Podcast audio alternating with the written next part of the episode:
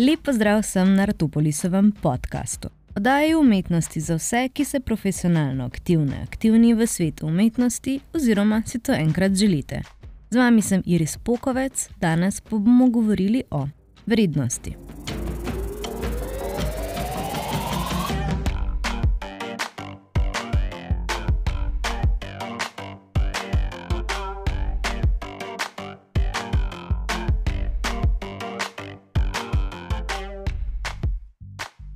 Koliko smo vredni umetniki in koliko je vredna naša umetnost.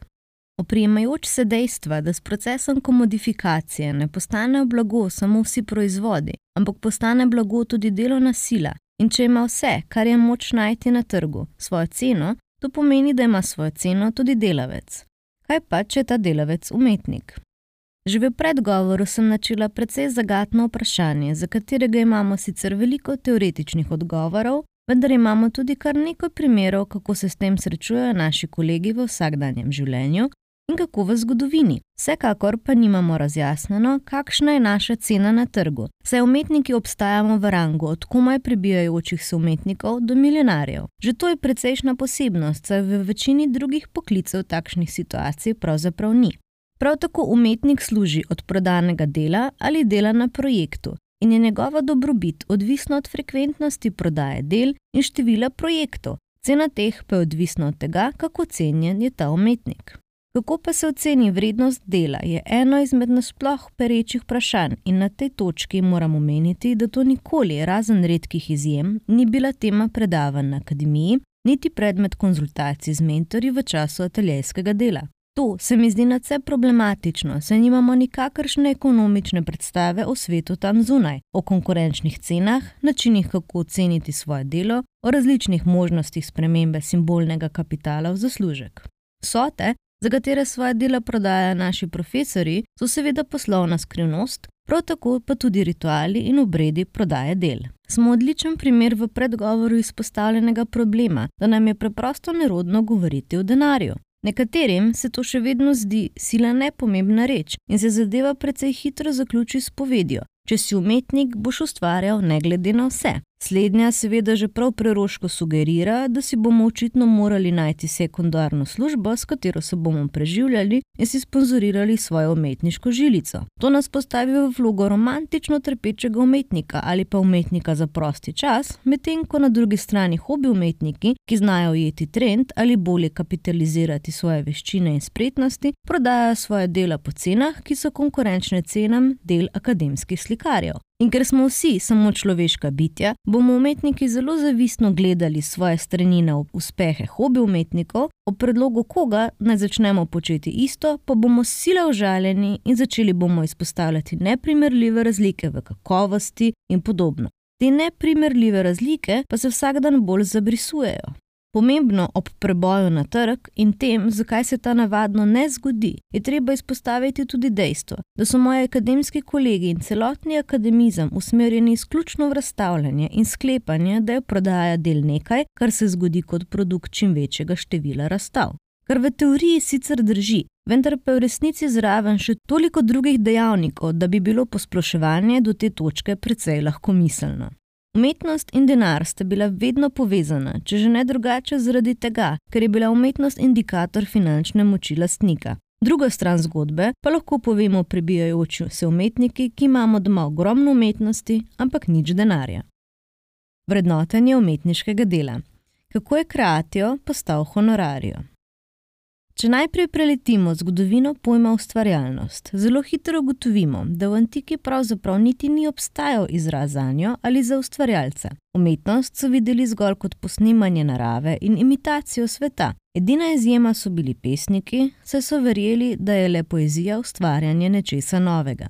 Rimljani so pozneje napako odpravili z izrazom kreatijo, imeli pa so tudi dva izraza za besedo narediti: facere in creare. Apohal ključno spremembo v pojmovanju ustvarjalnosti vidi v času začetkov krščanstva, kjer se beseda kreatijo navezuje zgolj in izključno na božje stvarjenje. Ključen preobrat pa je prineslo obdobje renesanse, ki je prinesla vrednote kot sta individualizem in naturalizem ter ponovno zanimanje za antiko. Tem času se umetnost in umetnika razume kot podaljšek narave, torej tam, kjer se narava ustavi, umetnik nadaljuje. Pomembno za poznejšo razpravo o mistifikaciji umetnosti se mi zdi na tej točki hitenja po zgodovini za trenutek ustaviti in izpostaviti misel, da se celotna mistifikacija umetnosti pravzaprav morala začeti prav v renesansi, saj je bila umetnost prvič zares izraz človeka in ne le posnemanje narave ali kreacija Boga. Čeprav se je renesansa ozirala k antiki, je smiselno pričakovati, da je določen vpliv na dojemanje umetnosti in ustvarjalnosti pustila tudi krščanska ideja božjega stvarjenja, ki se je prenesla na umetnika v ideji, da je od Boga prijel dar ustvarjalnosti in da je s tem od Boga izbran in je njegova naloga na zemlji služiti Bogu z umetnostjo. Variacije ideje daru in posebnega poslanstva žive še danes v kolektivni zavesti ljudstva. Moje naslednje vprašanje je, kako torej projekciji daru v umetniško delo določiti vrednost? Po enem izmed načinov razumevanja, zakaj je umetnost vrednota in umetniško delo vrednost, je to moč pripisati njenim kulturnim vplivom in sicer povsem mistificiranim ideološkim asociacijam, v katerih je umetnost komunikacija z metafizičnim in pot v transcendenco. Njena vloga je tudi nošenje drugih ideologij, kot je naprimer krepitev nacionalne zavesti spomeniki padlim borcem ali ekipi narodnih herojev, prav tako ni zanemrljiva njena moč združevanja nacij ob razstavah, kjer sodeluje več držav, ter s tem povezovanje in ohranjanje dobrih odnosov. Prav tako se umetnost pogosto mistificira in romantizira kot nekakšno drugo realnost, v katero se lahko zatečeš v trenutkih stiske.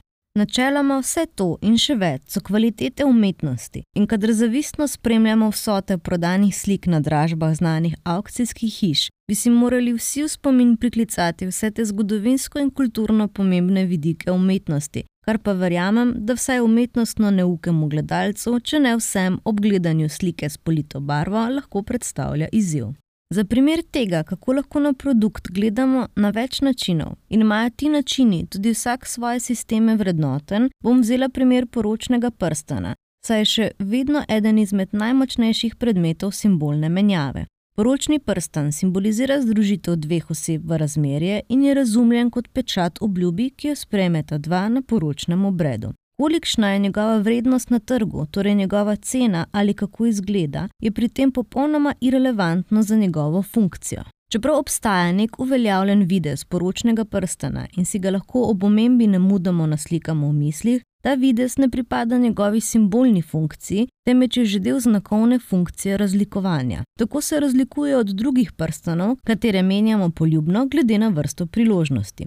Tudi poročni prstan je seveda ujet v sistem potrošnje, saj ga je treba kupiti in simbol postane šele z izmenjavo med dvema osebama. Blaž Kosovel nas spomni še na eno opazno razliko med simbolno in ekonomsko logiko, ki pa se izraža v obdarovanju. Nenapisano pravilo določa, da se tržne cene podarjenega darila praviloma ne izda, saj ravno odsotnost tržne cene potrdi njegovo neprecenljivost, prav tako objekt, ki je bil darilo, ne pripada več menjalni logiki. Upoštevajoč, da je umetnost produkt ročnega dela, razen v primerih, kjer se izdelava prilagodi potrebam koncepta, torej to sodi v domeno obrtništva, bi se problem moralo rešiti sila preprosto. Z vidika obrtniške stroke bi se dalo delo preračunati po naslednji enačbi. Urna postavka, pomnožena z številom ur dela plus materialom plus ostalimi stroški, naprimer prevoz, bi nam moralo dati ceno produkta. Če tudi smo zadovoljni s takšno enačbo, vendarle naletimo na problem, ko želimo po isti enačbi obračunati delo umetnika. Problem namreč nastane, da je takoj, ko je govora o umetniškem delu, v enačbo treba za začetek dodati še eno spremenljivko, nekakšno dodatno vrednost. Saj je umetniško delo vendarle umetniško delo in se ga ne obravnava enako kot drugo rokodelsko delo. Tako nam precej hitro preprosta enačba splava po vodi, saj ekonomski izraz dodana vrednost ni nekaj, kar bi se kadarkoli računalo ali sploh na tak način obravnavalo po izračunu umetniškega dela. Ne trdim, da ne bi zadeve poenostavilo, ampak s tem bi najverjetneje izginila tudi mistifikacija umetnosti, ki prav gotovo igra svojo vlogo tudi pri ceni. Prav tako umetniki svojih del ne obračunavamo po urni postavki in delovnih urah, saj teh ur ne oddelamo v obliki običajnega 8-urnega pisarniškega dela ali dela v delavnici, temveč se v tem primeru čas, vložen v delo, gleda oziroma vrednoti drugače, saj lahko umetnik vloži več let dela v delo ali projekt, temu pa praviloma sodijo tudi procesi raziskave in priprave, naprimer teoretično raziskovalno delo ter načrtovalsko delo, ki vključuje skice, izdelavo maket, preizkus materijalov in podobno. Kako torej sploh izračunati umetnost? Hvala za poslušanje. Z vami sem bila Iris Pokovec in se slišimo prihodnjič.